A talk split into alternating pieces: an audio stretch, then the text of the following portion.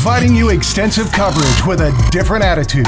Not your boring, everyday, run of the mill high school sports show. This, this is the High School Blitz with your host, Brandon Lowe, and his, due to a conflict of interest, not his official co host, but an official contributor, the Gazette Mail's Ryan Pritt. Now to the guys. All right, welcome into another edition of the High School Blitz podcast. I'm your host, Brandon Lowe. Joining me, special guest, head football coach of the St. Albans Red Dragons. He is Nick Watts. Coach, how you doing? I'm doing well. Just uh, trying to trying to survive uh, quarantine and uh, go ahead and apologize if a small child walks in while the interview is going on. I've been stay-at-home dad uh, to two-year-old twins for the last three months or so. So, yeah.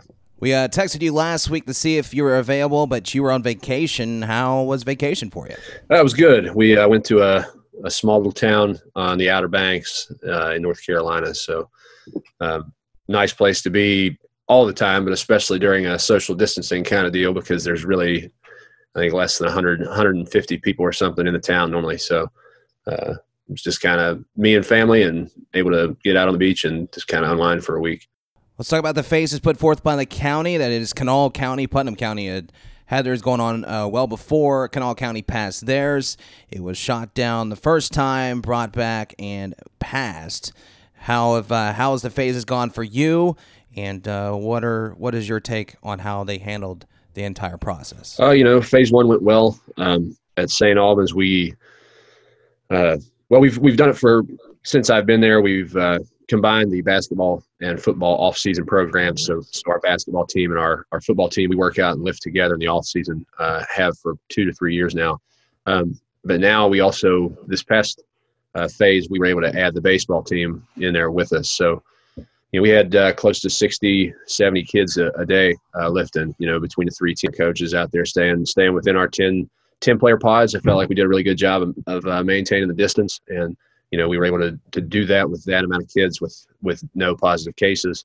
Uh, moved into phase two where we were able to do some weight room work. And uh, again, we had a lot of kids where we were groups of 25. Um, I think we had three different groups. We had one in the weight room, one on a practice field, and then one doing some plyo agility type stuff in the parking lot. So um, definitely able to get some good work in. And I think the kids definitely got better. Um, you know, sh- had a lot of kids show up that were, were really out of shape. Um, you know, what what can you phase three, which is the the three week period. Um, we started yesterday.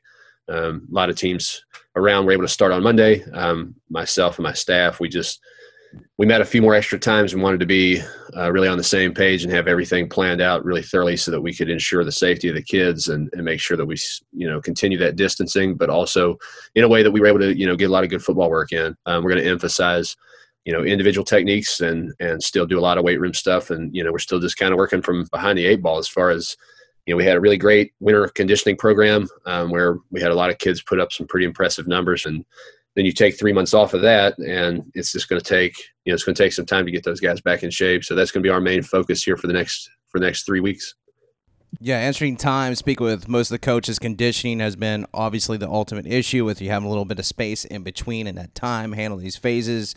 I know when you first took the job at St. Albans, participation was a uh, big issue, or the numbers were sort of an issue, and you were trying to get the, the guys that you needed. Um, and it seems like what you've mentioned with the baseball players and other players you know, kind of interesting times of COVID 19, but uh, how has participation been as far as numbers for you? You know, so we're, you know, just we got a lot of new guys out for the team. Um, being able to to combine our workouts, we've been able to kind of recruit some kids uh, from baseball and from basketball. Some guys that are going to be first year players for us that are really good athletes uh, from some of the other teams in our in our school.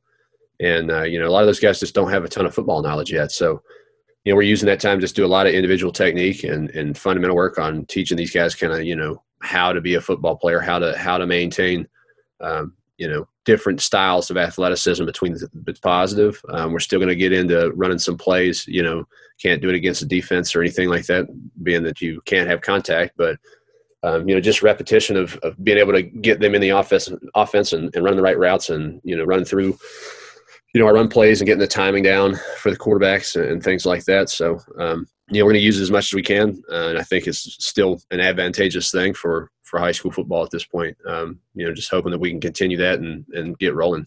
Um, right now, I think yesterday we had 53 guys uh, at practice, so that would be the most that I've had since I've uh, taken over at St. Albans year one. I think we went into the season with right at 33.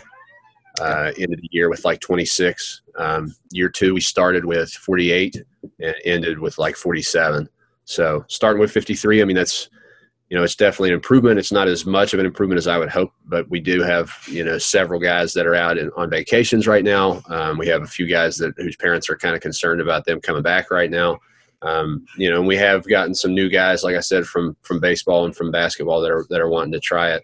Um, you know, I, am excited about that. These are some of the best athletes in our school, um, and we're going to be able to get them out there and, and, see what they can do on a football field. So, uh, definitely some positives there. Um, you know, it, it, if you come by our practice, it doesn't look like the very many guys. Um, we've actually split our session into two different groups where we have a group of about 25 and then a group of about 27 uh, they come in at two separate times. We're trying to mitigate, you know, if, if a, a, a, case happens in one of the groups, then the other, you know, we stop that group and the other group can continue to participate. Um, you know, so we've got two separate groups working out separately, um, which keeps us under the 25 uh, player minimum for the most part as, as far as being on the field at the same time. So, you know, I think we we're doing, when you do that, you, you know, you see a lot of guys getting reps that probably no, normally wouldn't get reps. So um, we're going to have a good evaluation period, and yeah, participation is, is good for for what it is right now. I think. Yeah, nobody really has any idea what it's like to have just 33 kids to compete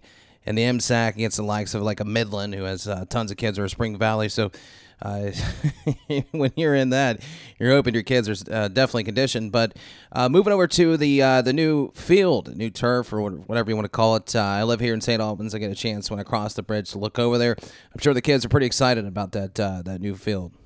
Yeah, they're they're definitely excited about it. Um, as coaches, we're you know thrilled just because it, it makes things so much easier from a planning standpoint. But yeah, the, the field's looking good. Um, they've got all the lines sewn on. So I've been told now the only process left is sand and and uh, the pellets. So should be within four or five days, and then hopefully for the rest of our three week period we can uh, you know get out there and use it. Um, you know, with the hot weather, I don't think our kids know what to expect as far as practicing on grass versus practicing on the turf. Uh, that turf's sure. going to be out. Last year, looking at uh, eight seniors, 15 juniors, all underclassmen as these guys have gotten older. It's the more experienced team that you had entering your third uh, year. Kind of go into kind of go into that. Yeah, you know, uh, experience is a big thing in high school football, um, especially I think in the MSAC when you're playing a lot of teams that have the luxury of having 60 and 70 and 80 kids on roster. Um, and when that happens, you know, you got to be an older guy for the most part, or you got to be really talented to start. So we haven't had that luxury. A lot of it's been young guys having to step up and start for us. So we've got a, a, good crew of guys that are looking into their third year of varsity football or you know third year of being a starter even. So uh, especially like our line play, um, we should have you know, we have every offensive lineman back, and uh, of our you know the the five guys we project as starters and, and the three or four more guys that are going to be used to to add depth and, and give those guys a blow. They're all they've all started uh, at least you know three and four games, and most of them for two to three years now. Um, they've been they've been getting beaten up and bullied and everything else as young guys up there up front. So I think they're they're kind of ready to to flip the tables on some people and and be the ones that are the old guys that that know what's going on. So um, you know the one position that we're going to have uh, as far as new with a projected new start would be quarterback. Um, we return a guy that started the last four year four games of the season last year at quarterback, and then a couple of new guys that we think could uh, provide some good competition there. Um, but for the most part, you know, I think we lose two or three really strong athletes, um, you know, and some other guys that were really good role players for us. But like like you said, we've got we've got a, an experienced team for the first time since I've been here with a lot of guys that that have played and know how to play. So um, you know, that being said, it's toughest conference in the state, and and we have a pretty tough schedule this year. So.